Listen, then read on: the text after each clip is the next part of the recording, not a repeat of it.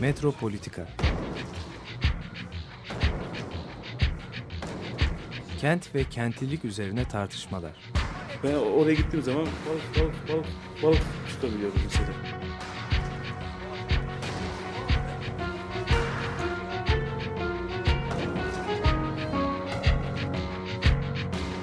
Hazırlayıp sunanlar Aysin Türkmen, Korhan Gümüş ve Murat Güvenç. Takusuyor yani. kolay kolay boşaltamadılar. Yani elektrikçiler terk etmedi Perşembe Pazarı merkezini. Günaydın e, değerli Açık Radyo dinleyicileri. Metropolitika başladı. E, Aysim Türkmen, Murat Güvenç ve ben Korhan Gümüş birlikteyiz. Bu sefer tam kadro. Tam kadro birlikteyiz. E, programda iki tane e, bölümümüz var. Birinci e, konumuz aslında çok önemli bir haber. E, üçüncü e, köprünün e, imar planı tadilatı olarak hazırlanan 1 bölü 5000 ölçekli koruma amaçlı imar planı idare mahkemesi tarafından iptal edildi geçtiğimiz hafta. E, bundan sonra bir tartışma başladı. İptal edilen köprü mü yoksa bağlantı yolları mı diye.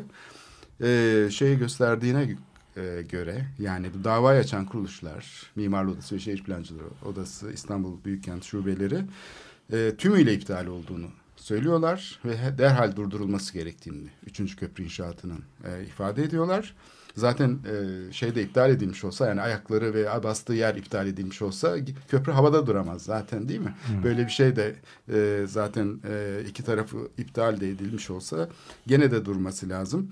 Şimdi bu mahkeme kararında e, çok açık bir şekilde plan yapma yetkisinin Çevre ve Şehircilik Bakanlığı'nın yetkisinde olmadığına hükmediyor. İBB'nin sorumlu olduğunu gösteriyor plan. Yani bu çok enteresan mahkeme, idare mahkemesi. Zaten e, 2963 60 sayılı e, Boğaziçi Kanunu hükümlerine göre de yerel yönetimin yapması gerekiyor buradaki imar planını. Dolayısıyla e, bir kere 2009'da hani Kadir Topbaş'ın e, İstanbul'un anayasası dediği imar planı ya da işte master plan diyelim çevre düzeni planının e, tekrar şeyine geri dönmeye e, zorluyor aslında hukuki e, Olarak. engel. E, bu zaten o planda da felaket olarak adlandırılıyordu. Üçüncü Boğaz Köprüsü. Hele kuzeye yapılacak bir köprünün nasıl bir felakete yol açacağını. Şimdi bu şey e, hukuki tarafı işin. Bir de öbür tarafı var. Şimdi bu üçüncü köprünün yani ulaşımla ilgili bir proje olmadığını yıllardır söylüyoruz. Zaten köprülerin ulaşımla ilgili projeler olmadığını, çevresel etkileri açısından analiz edildiğinde aslında muazzam bir değer transferi aracı olarak, manivelası olarak kullanıldığını, bir bu, bu köprüleri sadece ulaşım ya da doğaya verdikleri zarar üzerinden değil, aynı zamanda kentsel adalet üzerinden de konuşmak gerektiğini bu programda yüzlerce kere belki ifade etmiş olduk. Şimdi olayın bu tarafı zaten çok önemli. Çünkü bu üçüncü köprünün zaten İstanbul halkına sağlayacağı hiçbir şey yok. Yani e, ulaşımla ilgili zaten bir karar olmadığını söylediğimiz için ulaşım da zaten sadece ulaşımla ilgili bir konu değil. Her şeyi etkileyen bir konu.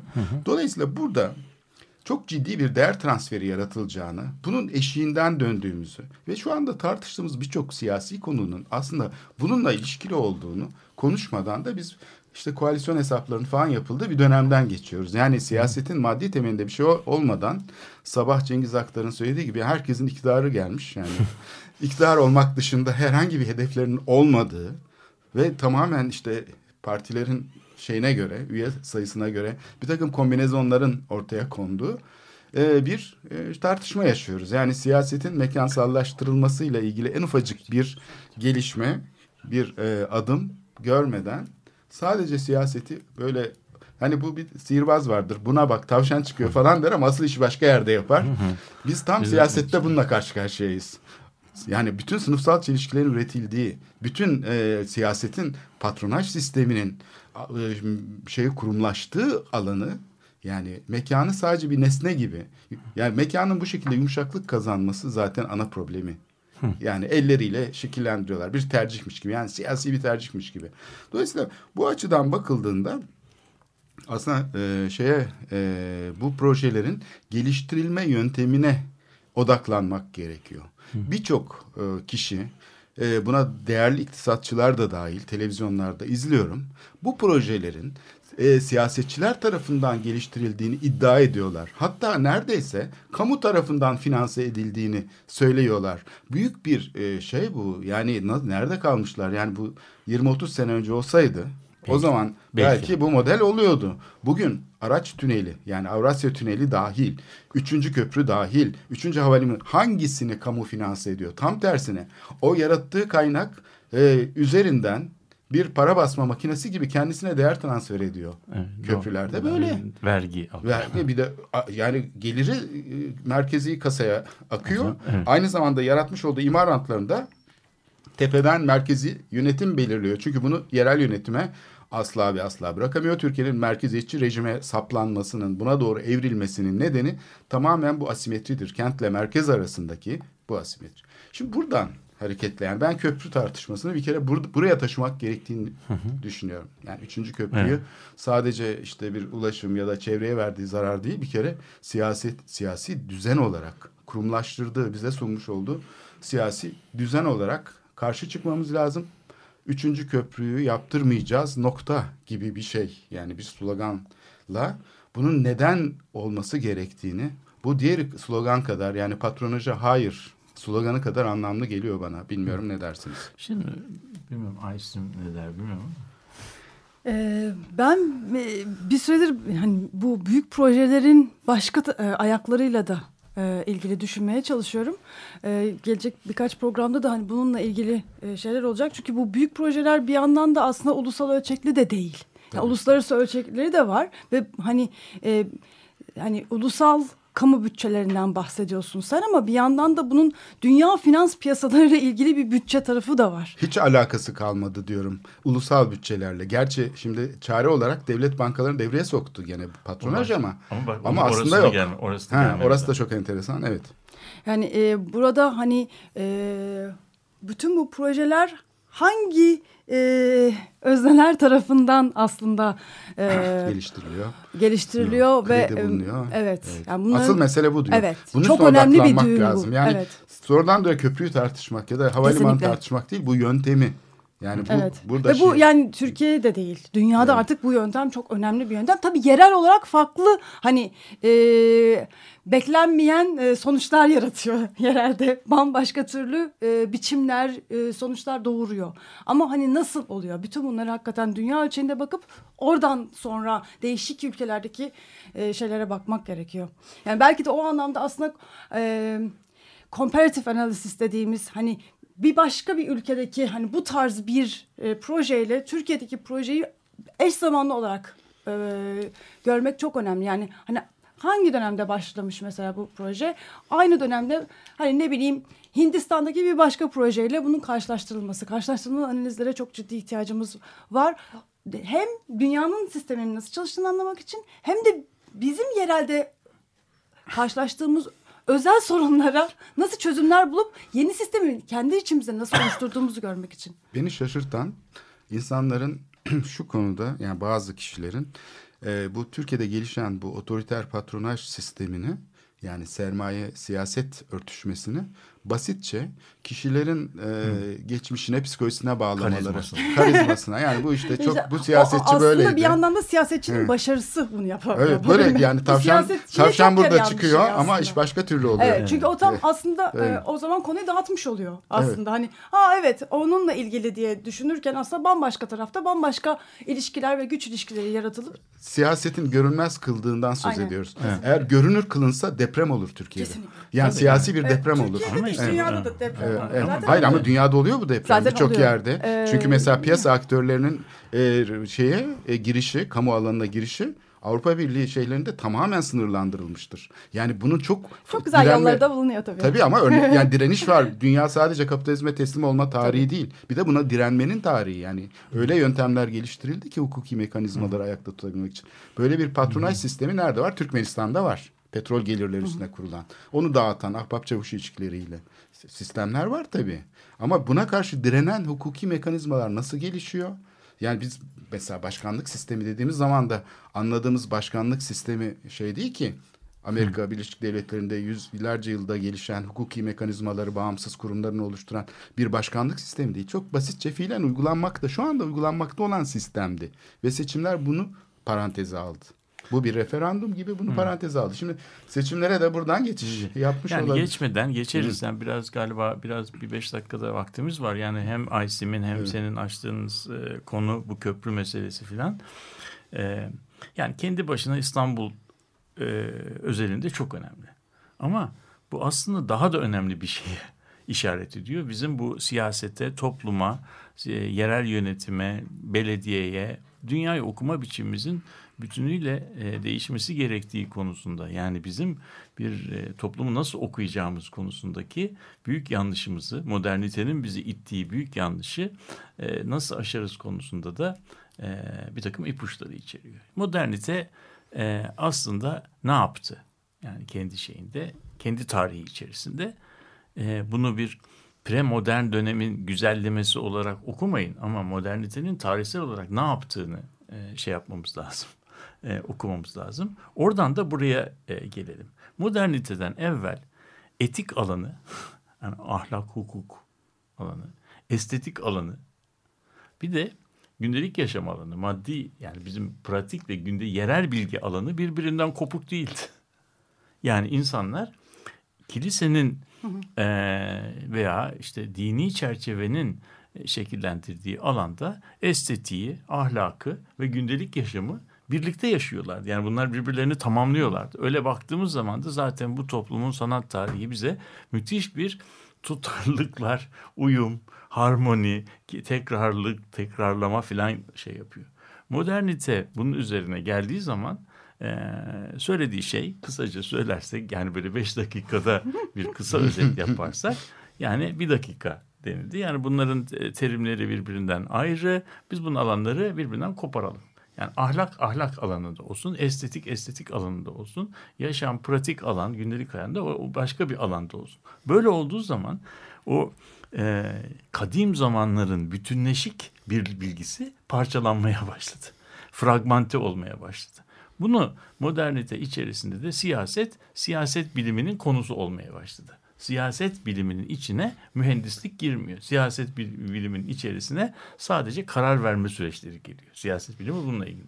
Mühendislik ise başka bir tarafta. Askeri tekniklerden e, dal budak salıyor. Sivil topluma doğru yayılan uzmanlıklar. Bir, bir. Sos, so, sosyoloji denen şey sosyal ilişkiler e, şeyi e, ilimi. Fakat sosyal ilişkiler içerisinde maddiyatı, maddi pratikleri içeren bir şey yok. Sosyal ilişkilerin e, bilimi. Öyle olduğu için gündelik yaşamın maddi pratiklerinden e, kopuk patronaj, gender studies anlatabildim mi? Yani işte solidarite, dayanışma filan gibi kavramlar üzerinden bir sosyoloji kuruyoruz. Ama bu sosyolojinin içinde maddiyat yok. Anladın mı? E böyle olduğu zaman da bu, bu, bu bizim bu bizim sosyolojiyi, toplumu, şehri anlamamızı kolaylaştırmıyor, köreltiyor. Çünkü sosyoloji, siyaset, yerel siyaset tamamen bir şeyin, bir kodların okunması, yetkinin yetkinin yetkiyi kullanan adamda e, olduğunu e, sanmamıza yol açıyor. Yani İstanbullu veya herhangi biri belediye başkanı olan e, seçilen kimse hangi yerel olursa olsun güç ona geçmiş oluyor. Eskiden bizim bir çocuk oyunu vardı ya evet, güç, güç bende o oyunu. Kılıç ona geçiyor. Kılıç ona geçtiği zaman da o şehri istediği biçimde şekillendiriyor. Bu böyle bir şey.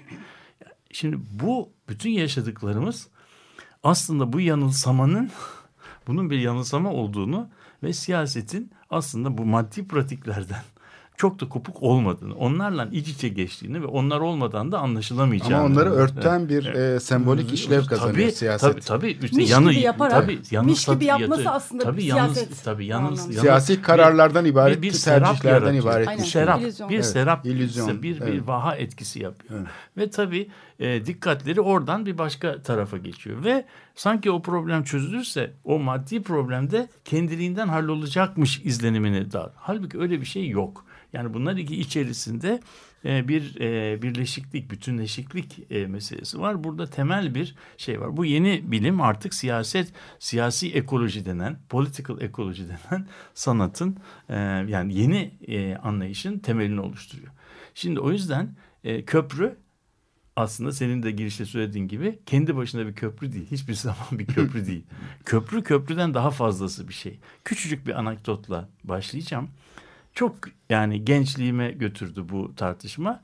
E, 85, 84, 85 yıllarında e, Orta Doğu Teknik Üniversitesi'ne yeni dönmüştüm. Ve o sırada da Ankara'nın ulaştırma e, planı hazırlanıyordu. Ben de Çiçeği Burnu'nda yeni bir böyle daha o zaman uzman olarak o planda Orta Doğu'nun araştırma grubunun içerisinde çalışıyordum. Bir iki tane bir tane de çok deneyimli bir Kanadalı mühendisle beraber çalıştık. Ankara'nın e, trafik, trafik modellemesini e, esas olacak programı ben yazdım. Orada işte bir takım böyle şehir simülasyonları yaptık ve çok şeydim yani o zaman her yeni e, novice dedikleri yani çaylak gibi aman bir hata yapmayayım. Bu hatları doğru yollardan geçirelim. İnsanlara doğru hizmetle etsin. E, güzergahları doğru e, olsun, yoğunluklara uysun filan diye. Yani belki de hani böyle e, hani ilk çocuğu doğan ailelerin e, gösterdikleri, gösterdikleri gibi görmemiş yani görmemiş birisi müthiş bir e, özenle şey yapıyordum. Adam da bana böyle uzaktan bakıyordu yani böyle gülümsüyordu. Bir gün beni çekti dedi ki ya genç olan dedi yani delikanlı dedi ben de senin dedi şeyi anlıyorum dedi. Yani senin bu kaygılarını bu şeylerini filan anlıyorum. Ama dedi benim ömrüm bu işlerde geçti. Bak ben sana bir şey mi söyleyeyim dedi. Dünyada hiçbir metro yanlış yere gitmedi dedi.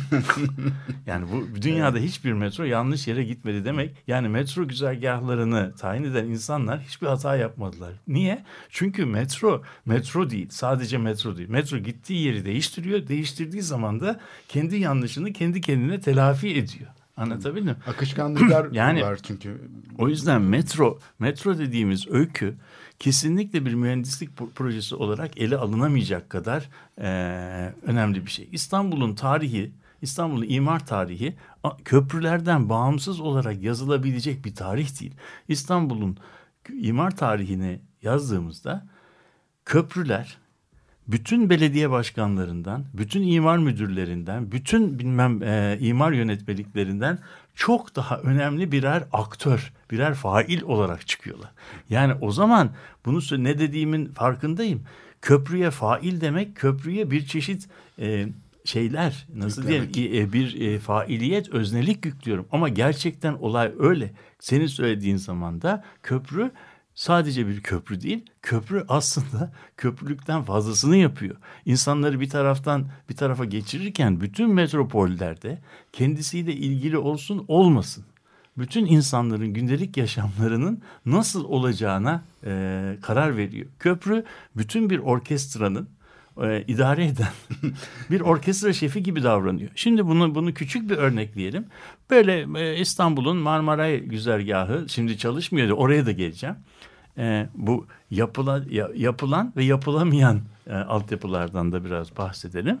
E, şimdi varsayalım ki e, uzun uzun burada belki beş defa, e, on defa dile getirilmişti. Bu Marmaray dedik. Bu İstanbul'daki rantların dağılımını değiştirecek, bu yüzeyi değiştirecek. Bir takım insanlar hiç farkında olmadan kiralarının yükseldiğini görecekler o tren yolları kenarında oturanlar ve o kiraları ödemediklerinden dolayı pazarın görünmez eli tarafından artık o çalıştıkları işliklerden e, kendi kendilerine hiç gürültü patırtı edilmeden hiç kimsenin hayatı e, farkında olmadan oraları terk edip daha uzak yerlerde hayatlarını devam edecekler. Bu Marmaray'ın ilk bakışta görünmez etkisi. Marmaray etraf bir buçuk kilometre ötesindeki kendisiyle ilk bakışta hiçbir alakası olmayan bir küçük ayakkabıcının, bir küçük elektrikli araç tamircisinin, bir küçük bilmem boyacının, bir küçük e, yorgancının artık bu mesleği yapamaz halesine e, hale gelmesine orada yapam en azından orada çalışamaz hali. O yüzden gelmesine yol açacak. O yüzden bu tür metropolleri, bu tür altyapıları kesinlikle çok kapsamlı düşünmemiz gerekiyor ve düşünmediğimiz takdirde de insanların gündelik hayatlarına yaptığımız müdahalenin büyük bir kısmına duyarsız kalıyoruz. Yani bizim duyargaçlarımız artık artık onları algılamıyor ve böyle böyle olduğu zaman da biz yaşanan insani trajediye yani in, altyapıların yarattığı insani trajedilere büyük ölçüde e, şey kalıyoruz, duyarsız kalıyoruz. Şimdi yapılan altyapılardan bahsettin. Bir de ben yapılamayan altyapılardan bahsedeyim. Şimdi İstanbul e, İstanbul'da gene programımıza konu oldu. E, birinci kısmı tam, tamamlamadan ve beni geçen günlerde yani e, çok düşündüren, çok düşündüren ve çok hüzünlendiren bir şeyi söylemek istedim. Şimdi biliyorsunuz e, şeyde e, Kadıköy tarafında bir eski banliyö hattı var. Banliyö hattı Marmaray e, geçeceği e, geçmesi Varsayılarak. nedeniyle varsayılarak hızla söküldü. Demirler ve- gitti. Demirler hızla gitti. Trenleri de attık ve nereye götürdüysek götürdük. Şimdi o Marmaray hattının üzerinde boşluk duruyor. Or- oradaki hat duruyor. Arsa olur. Ar- hayır arsa falan olduğu yok. Arsa Hayır, or- or- oradan bitiren oradan da, biti Orada oradan. ne arsa var biliyor musun dedim. Hayır yani o kadar yok orada, orada. orada, orada dar, Dört- dar bir şerit dört var. şeride Evet, çıkarmaya çalıştılar. Site yapabilirler böyle. Me- Banliyö sitesi. Üstüne Hayır. yapabilirler. Hayır şimdi başka bir facia var site yapmanın haricinde. Bizim farkında duymadığımız başka bir facia var. Şimdi Marmaray bir nedenle işte Kazlı Çeşme'den başladı. Ayrılık Çeşmesi'nde biten Metrobüs bir... oldu işte Marmaray. yani o metrobüs- Taşıyacağı yolcunun şu anda onda birini taşıyor. Tamam neyse or orada orada böyle bir şey hatta duruyor. Ve onun devamları yapılmıyor. Kaç senedir yapılmıyor? Tam dört senedir yapılıyor. Dört, dört senedir orada boş duruyor. Orada e, çalışan e, banliyö trenlerinin günde 60 ila 70 bin yolcuyu iki çift yönlü olarak taşıdıklarını biliyoruz. Bu trenin her çalışmadığı gün Trafik yükü olarak yığılıyor 60-70 o bin köprüye. kişiyi 60-70 bin kişinin hayatından e, en azından 20'şer 30'ar 40'ar dakika çalınmış oluyor. Çünkü treni kullanamıyorlar. Ne trenin ne zaman kullanılacağı belli değil. Anlatabildim mi? Yapılıp yapılmayacağı Ve- da ve belli değil. Şimdi 60-70 bin kişinin hayatından eğer ben 20 dakika çalarsam anlatabildim mi? Bu 20 bin saattir. 20 bin saatin ise bir günde e, kaç e, 20 bin saatin kaç güne tekabül ettiğini şey yapmak için 20 bini 24'e bölmek lazım. Bu aşağı yukarı bin e, gün demektir. Bin günde 3 sene gibi bir rakamdır. Anlatabiliyor muyum? Yani çalışmadığı her gün o kullanıcıların hayatından 3 yıl çalınmış oluyor. Bunu 4 Parayla ölçülemeyecek bir şey bu. Evet. buna biz mesela buna hiç duyarlı değiliz. Anlatabiliyor muyum? Hiçbir şey Ha, bunu yani konuştuğunu da bu- görmedim. tabii, yani yani ben de- ben- Marmara için mesela e, Tayyip Erdoğan şey demişti hani bu çanak çömlek çıktı tamam falan. ama bu başka Onu bir şey. anladık, Ben tamam. başka bir şey diyorum. Ben E, başka bir Şimdi şey. diyorum. burada yani güzergah seçimi olabilir bunun bir nedeni. Bir de kamu modeli, finansman modelinde bir sorun var. Onları da onları Onlar onları da- da, tartışalım. Onları da Ama- onları da ama ben şimdi başka bir şey. insanların gündelik hayatından bahsediyorum. Evet. Diyorum ki 4 sene önce bir kararla bu treni söktün. Söktün. Söktün. Orayı böyle bir boşluk haline getirdin. Her gün o insanların, oradaki insanların hayatından 3 yıl, toplam 3 yıl Çalıyorsun. e, çalıyorsun. Her çalışmadığı her gün ve bunu 4 yıldır yapıyorsun. Bunun bir de parasal karşılığı da var. Parasal karşı. E bir de bu insanların gündelik yaşam kalitesi var. Şimdi ben burada soruyorum. Metropolitika dediğimiz şey işte tam da bu noktada.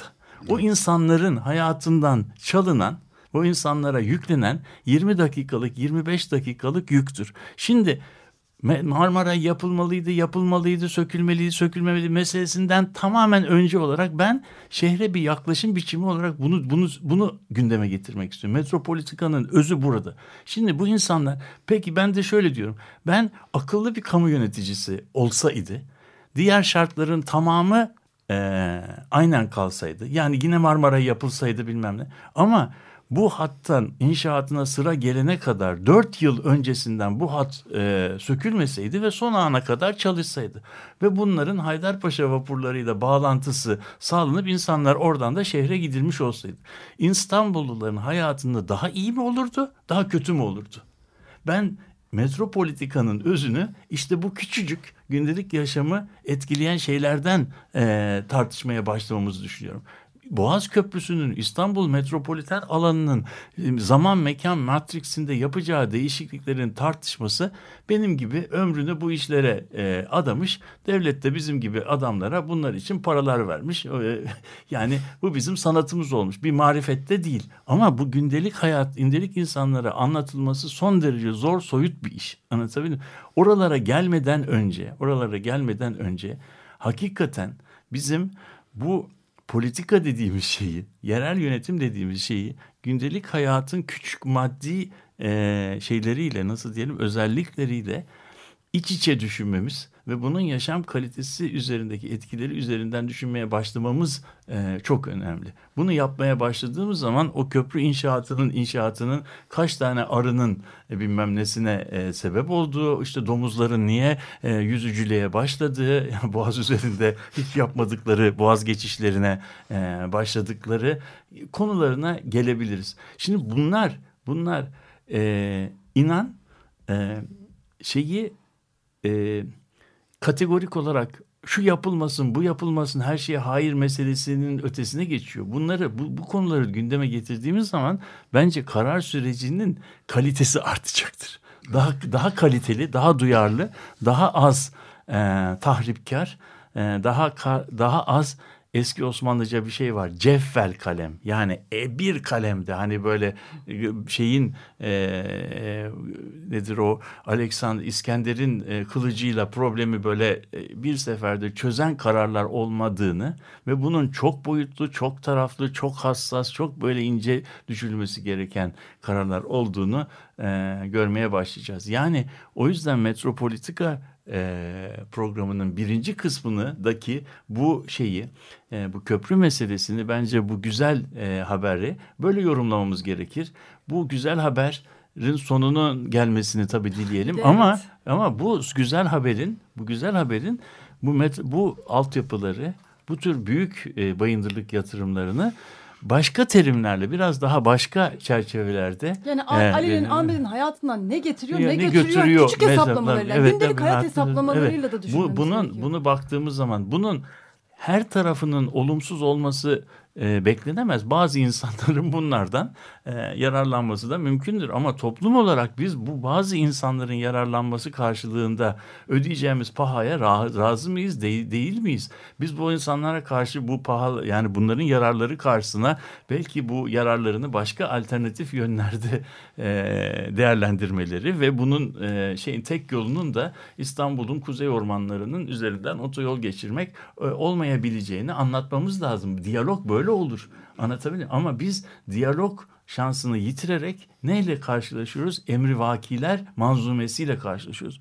Bu inanınız yani bir kent e, yani kentte yaşayan bir insan olarak belki de hani e, en onur kırıcı şeylerden bir tanesi. Yani yaşamını emrivakiler üzerinden e, yaşamak Evet bu zaten yani, yani ben burada mesela çocuk temel benim, çiğnenen evet. hakkı yani e, çok çok derinde bir şeye görmemi, işaret etmeye e, çalışıyorum. Evet. Yani şimdi bu e, işte karşı mısınız üçüncü köprüye falan? falan Hayır yani, köprüye karşı falan yani değilim. köprüyü başka Sadece terimlerde düşünelim. Buradaki e, düşünme biçimini evet. siyaset yapma biçimini, biçimini düşünceyi ifade etme özgürlükleri açısından baktığımda son derece evet. sorunlu. Yani işte işte burada felaket olan bu aslında. İşte evet aynen burada evet. anlaştığımız. Yani burada kategorik bir köprüye düşünme şey misin değil misin meselesi Hı. değil. Galatasaraylı mısın, Fenerli misin filan. Bu iş o kadar karmaşık bir boyutlu ki, karmaşık boyutlu ki biz bunu ihtiyaç duyduğu, gerektirdiği duyarlılık düzeyinde tartışmaya başladığımızda acaba kaçıncı aşamada köprüye geliriz problemi ortaya çıkar. Yani biz bunu adam gibi tartışmaya başlarsak bu köprü meselesinin e, ihalesi birinci senede, ikinci senede, e, o 30. ayda e, gerçekleşemez. Çünkü çok boyutlu bir şeydir, çok hassas bir şeydir. Bunları şey yapalım. Herhalde programın birinci kısmını burada e, kapatalım ve... E, Tom Waits'ten, Tom Waits'ten, e, Tom Waits'ten bu Jersey Girl isimli şarkıyı dinleyelim. corner,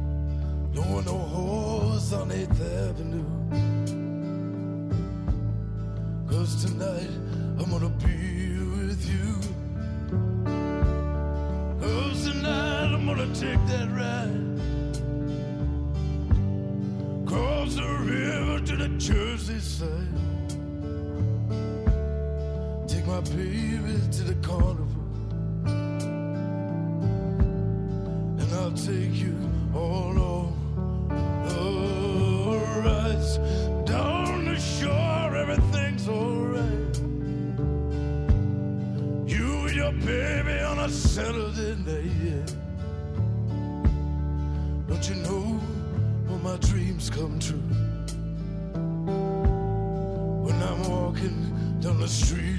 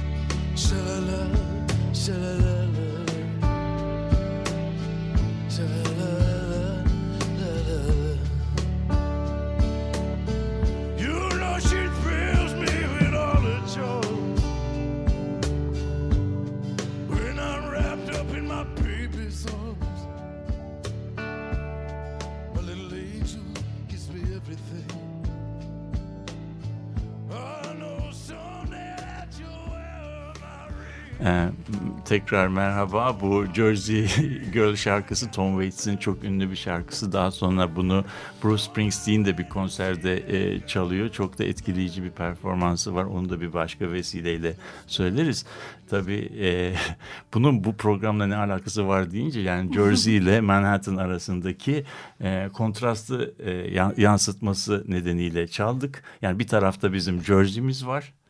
New Jersey var. Hiçbir zaman New York olmamış, olamamış. Bütün köprülere rağmen özgünlüğünü korumuş. Öbür tarafta da Manhattan var. Yani Manhattan'dan Jersey'ye geçmek nasıl bir e, bir halet ruhiye yaratıyor onu anlatıyor. Bu e, yani bütün coğrafyaların birbirine eşitlenerek homojeneize edilmesi e, konusunda gündelik yaşam homo- homojeneizasyonuna e, karşı ve özgünlükleri anlatan bir şarkı olarak çaldık. Şimdi e, bizim programımızın adı Metropolitika. Bunun ikinci kısmına e, geçelim.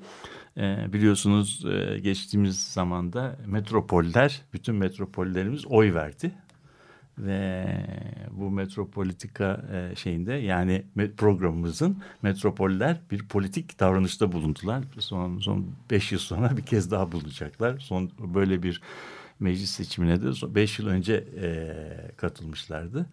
Ben de e, bu son seçimlerin e, şeyini e, sonuçlarını e, ilçeler itibariyle haritaladım. İlçeler itibariyle haritalamak bizim alıştığımız seçim haritalarından biraz daha e, il- ilginç e, sonuçlar veriyor. Bizim alıştığımız seçim haritalarını seçimlerin ertesi günü Türkiye'nin her tarafının e, sarıya kırmızıya boyanmış haritalar şeklinde e, tecelli ettiğini görüyoruz ama bunlara toplulaştırılmış yani aggregate number üzerinden yapılan haritalar deniyor.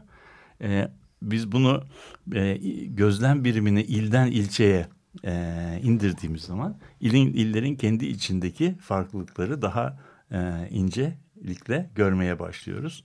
Ben de bütün partilerin aldığı oyları metropoller, dört büyük metropolümüz itibariyle Adana, İstanbul, e, Ankara ve e, İzmir olarak e, tekrardan haritaladım. Şimdi e, önümüzde de haritalar var. İzleyicilerimize tabii haritalarımızı aktaramıyoruz ama BEP'nin web sitesinde yani Konda Araştırma Kurumu'nun web e, sayfasında bunlar e, yayınlanmaya başlayacak. Çok yakın zamanda da İstanbul Çalışmaları Merkezi'nde bir başka serisi yayınlanacak. E, haritaların hesaplarını ben yaptım. Haritayı da kartograf e, e, Ebru Şener yaptı. E, bizim elimizdeki şu anda göreceğimiz haritalara Fransızca'da e, müsvedde haritalar deniyor. Yani nihai amaç, nihai renk ayarlarına ve post prodüksiyon sürecinden geçmemiş e, müsvedde haritalar değil diyoruz. Harita müsveddeleri değil tabii. E, ama birazcık metropolleri izleme imkanı veriyor. Şimdi biz burada Aysim ve şeyle e, Korhan'la beraber e, AKP'nin e, haritasından başlayarak CHP'nin, e, HDP'nin ve MHP'nin e, metropollerdeki performanslarını İstanbul'dan başlayarak birer birer e, izlemeye başlayacak. Da bizi bizi en çok İstanbul şey yapıyor ama İstanbul'u diğer metropollerden neler ayırıyor onu e, şey yapmamız, e, e, izlememiz mümkün olacak. Şimdi bu haritaların bir tanesinde İstanbul'a bakıyoruz. E, tabii renklerde AKP yani bir, bir renk skalamız var. Açıklar, açık renkler partilerin görece başarısız olduğu yerleri, şeyler ise koyu renkler ise başarılı olduğu yerleri gösteriyor. Şimdi mesela İstanbul'la ilgili e, haritamıza baktığımız zaman bunu AKP diyelim. AKP'de merkez bembeyaz. Evet yani bu bizim daha önceki programlarımızda bahsettiğimiz bir Mercedes-Benz e, arması vardı. Sahillerin şeyinden boğazı böyle yukarıdan aşağı.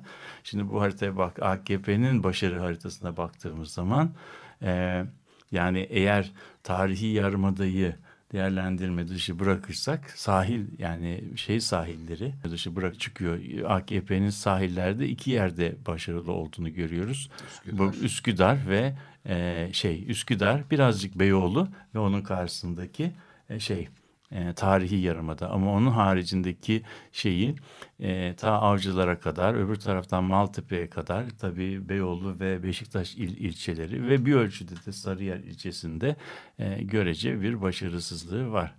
E, şeye baktığımız zaman İzmir'e baktığımız zaman hiç böyle bir şey yok. İzmir İzmir'de e, İzmir'de İzmir metropoliten alanın içerisinde AKP'nin koyu renkli gösterildiği hiçbir ilçe görmüyoruz. Ankara'ya baktığımızda ise e, Ankara'ya baktığımızda e, Çankaya ve Çayyolu ilçelerinin e, özgünlüğünü görüyoruz. Burada hemen hemen çok e, az başarılı e, AKP partisi. Buna karşılık Kuzey Ankara'da e, ve e, Kuzey Ankara'da çok başarılı. Yani Ankara aslında böyle bir e, bölünmüş şehir izlenimi yaratıyor. Şeye bak bakarsak Adana ilçesine bakarsak Adana iline Adana ilinin ilçelerine bakarsak e, şimdi tabii ezbere ilçe adı veremiyorum ama e, bir büyük güney kuzey e, kontrastı görüyoruz.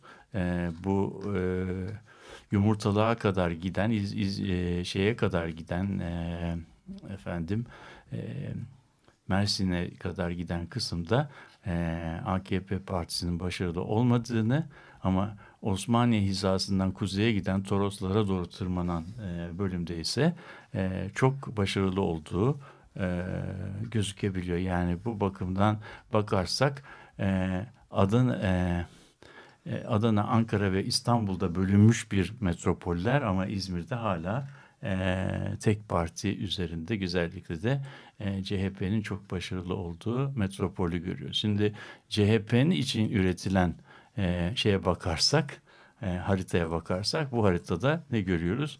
İstanbul'da e, demin gördüğümüz e, şeyin fotoğrafın eskiden bir şey vardı. Negatif. Ta- negatifi derler, arabı derlerdi. Onun tam tam zıttı.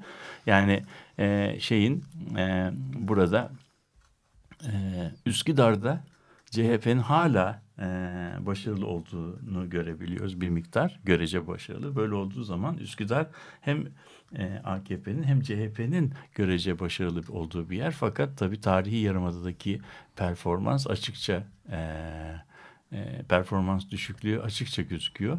Şeyde şaşırtıcı bir şekilde benim Eyüp tarafında e, CHP'nin ve Bayrampaşa tarafında ilginç bir e, başarılı bir şey var. Bu da tabii Trakyalıların olduğu bir şey ama sahilde ve şeyde bu e, bu şeyi gayet hoş bir şekilde izlemek mümkün olabiliyor. Kağıthane il- ilçesinin bir şey olarak e, CHP açısından bir enklav oluşturduğunu açıkça görüyoruz.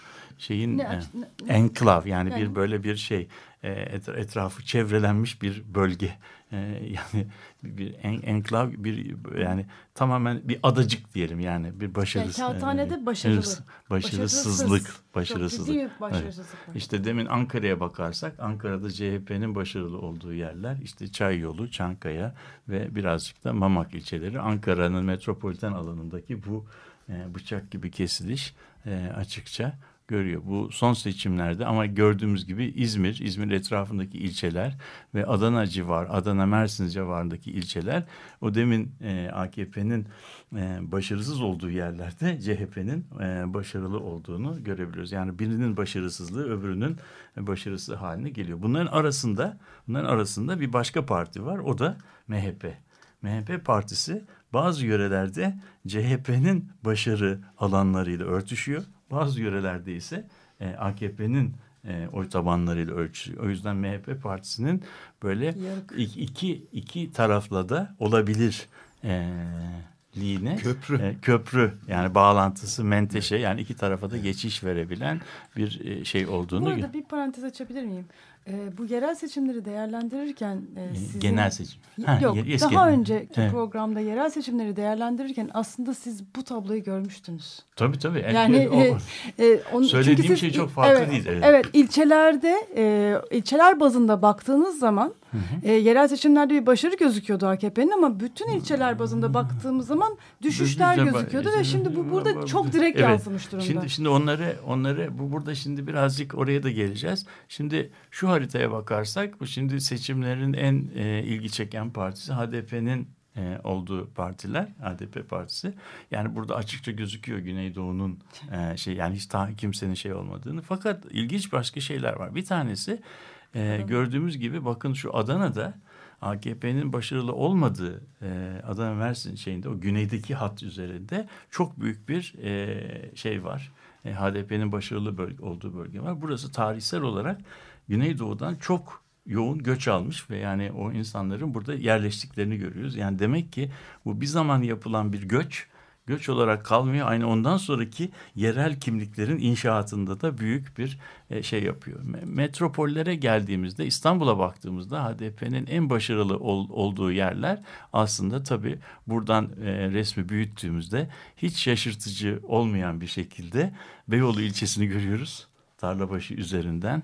E, biraz Zeytinburnu ilçesini görüyoruz ve şeyin e, yani genellikle İstanbul'un Çeper ve Batı ilçelerini buradan açıkça izlemek mümkün olabiliyor.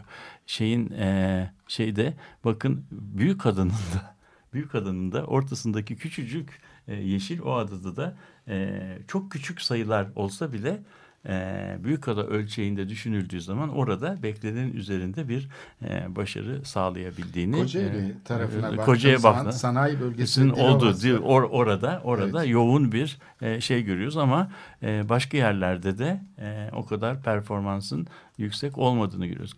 Keza İzmir'e baktığımızda yani bu Manisa'nın içerisinde bu göçmenlerin nereye yerleştikleri, nerede e, küçük ya- şeyler oluşturdukları yani komüniteler, küçük topluluklar oluşturdukları seçim haritası üzerinden açıkça e, okunabiliyor. Yani bunu şey yapalım. En son olarak ben katılımla ilgili e, haritayı göstereceğim. Katılım düzeyiyle ilgili haritayı. Bunları e, tabii haritayı anlatmak e, çok şey değil, anlamlı değil ama e, şey e, bakın katılım metropo, metropollerdeki katılım e, diye baktığımızda bir seçimlerde rehavet diye bir kavram vardı.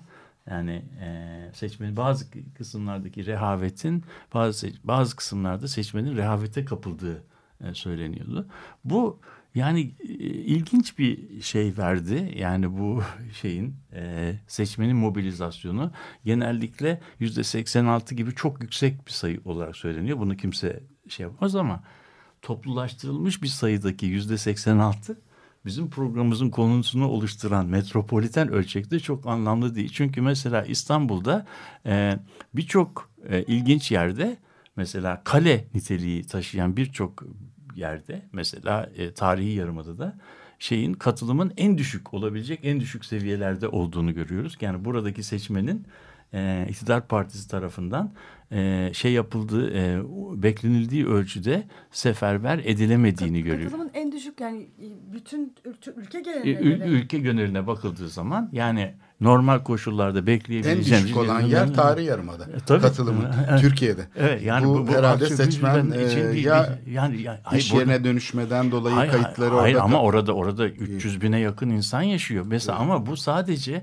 İstanbul'a e, özgü bir şey değil. Mesela İzmir'in Konak ilçesi Gene keza keza katılım. böyle bir şey. Evet.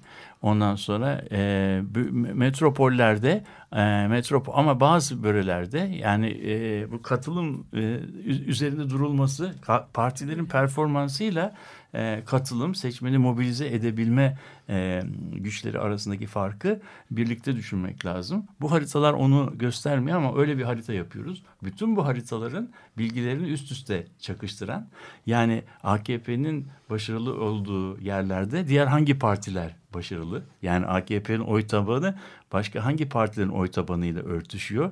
MHP'nin oy tabanı kimlerle örtüşüyor? CHP'nin oy tabanı kimlerle örtüşüyor? Burada geçersiz oylar ne durumdadır? Ee, anlatabildim mi? Katılım ne düzeydedir? Bunu anlatan bir se- sentez haritası hazırlıyoruz. Onu da e, yeri gelirse bu şeylerde anlatabileceğiz. Ama esasen bizim e, Aysim'in söylediği şey çok doğru. Bizim bu daha önceki e, şey e, Türkiye seçim coğrafyası olarak belirlediğimiz sahiller, iç kısım ve güneydoğu şeklindeki üçlü ayrım hemen hemen her haritada e, açıkça gözlenebiliyor. Yani genellikle mesela bu şey üzerinden okunan bu efendim e, şöyle bakarsak M- e, MHP'nin e, başarı şeyine bakarsak Güneydoğu'daki e, eksik seyreklik, İç Anadolu'daki baskınlık ve metropollerdeki seyreklik açıkça okunuyor ki bu bizim daha önce bulduğumuz şeyin bulguları şey yapmıyor. Yani siyasi partilerin siyasi partilerin kimliklerini temsil ettikleri ne ilişkin söylemin işte Türk milliyetçiliği, Kürt milliyetçiliği, efendim e, İslami duyarlılık, seküler duyarlılık falan gibi şeyler aslında soyut kavramlar değil. Bu ta- haritalar bize onu gösteriyor. Bu haritalar bu, bu kavramlar gündelik yaşamla yerellikle iç içe geçmiş şeyde. Yani seçim haritaları bize bu ideolojilerin hem siyasi platformda hem de yerel düzeyde hem üretildiğini hem de yeniden üretildiğini gösteriyor. Evet, AKP ile MHP arasındaki rekabetin temel unsurlarından bu- biri bu- bu. burada, evet. Çünkü geçtiğimiz günlerde Efkan Ala ile işte Oktay Vural arasında bir tartışma yaşanmıştı hatırlarsanız. Efkan Ala Oktay Vural'a doğduğun yerden aday olsana demişti. Orada yüzde bir bile oy alamıyorsunuz falan gibi. Yani bu da gösteriyor ki aslında mesela bunu HDP'liye söyleyemez. Doğduğun yerde işte şey Evet, işte evet. Evet eğer şeyse tabii göç etmemişse. Şimdi bu enteresan bir e, tartışma. Yani zeminin aslında Ne kadar, temsil öne- ne kadar önemli olduğunu gösteriyor. Yani yerelin, yerelliğin e, göz ardı edilen önemini aç, ortaya koymaya çalışıyoruz ki bu e, bunu anlamadan siyasetin e, yeniden üretim süreçlerini okumak, çözmek mümkün değil. Böyle yapıldığı zaman da siyasetçilerin kendi aralarındaki söylemin satır aralarında ne mesaj gidiyor onu anlamak mümkün değil. Yani siyasi söylemi deşifre etmek için bu yerelliğe bakmak lazım. Bir rehavetten daha belki bahsetmek gerek. Yani siz böyle bir hani çalışma yaptınız mesela. Hani AKP e, aslında e, 12 senelik performansına baktığımızda böyle çalışmalara çok ilgi duyan, hani bunları inceleyen, bunlara göre önlem alan bir partiydi. Bunu nasıl Bu göremedi? çok-. Hayır yani ortada olan bir sürü çalışma vardı ama belirli araştırma şirketleriyle çalıştı ve hani bütün bu e, ona söylenen çok net olan olarak söylenen şeyleri aslında duyarsız kaldı. Hayır elinden Bu da- bu- geleni bu da yaptı başka da bir rehavet. yapamadı. Rehavet Ee, değil. Elinden Ama önemli yaptı. bir önemli bir rehavet. Yani bu Yani- rehavet de Biz- çok biz, ilginç. Biz o hangi partinin performansını on- onu onlar bilsin. Biz onu Evet, biz, evet. biz bilim adamının görevi bunu kamuoyuna Ama bilim adamınla e, daha ortak çalışan bir zihniyetten bambaşka ama bir zihniyete ben- geçişten bahsediyoruz. Doğru, Aslında doğru, bu doğru. iktidar partisi olduğu için de bu Biraz- bizim biraz- hayatlarımızla çok bağlantılıydı. Doğru, Evet. doğru. Önümüzdeki dönem aslında bu şeyin tartışmanın yeniden e, belki mekansallaştırılarak Evet, gerçekleşeceği bir döneme giriyoruz. İnşallah, o çok Bunu önemli. yapma kabiliyeti olan hangi partiler var onu da Onu göreceğiz. Onu yap, evet. Yoksa bu iş gene Ankara Ee, e, parlamentosu içinde içinde seçim gerçekleşecek. parası- par- parası. Evet sayılar üzerinden geçecek. Oysa ki mekansallaştırıldığında Bunlar- politikanın Evet, şeyi evet, tamamen değişiyor. Başka türlü Evet. gözüküyor. Peki. Evet burada bitirelim o zaman. Sağ olun. Ee, çok iyi bir şey oldu bu çalışmayla devam etmek. Ya, Şeyde bu e, haritaları e, Konda'nın. Konda'nın e, şeyde web sitesinden e, izlenebilecek ve indirilebilecek. Evet, Yani güzel. onlar insanlar buna bakıp şey yapabilecekler. Peki. Evet. Bu haftalık da bu kadar diyoruz. Hoşça İyi haftalar.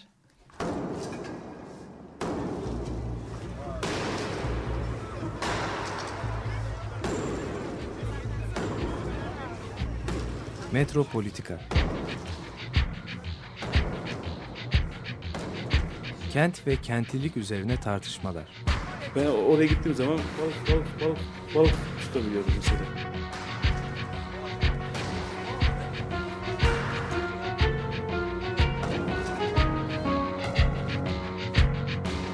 Hazırlayıp sunanlar Aysin Türkmen, Korhan Gümüş ve Murat Güvenç. Takusu yok yani. Kolay kolay boşaltamadılar. Yani elektrikçiler terk etmedi Perşembe Pazarı Açık Radyo program destekçisi olun. Bir veya daha fazla programa destek olmak için 212 alan koduyla 343 41 41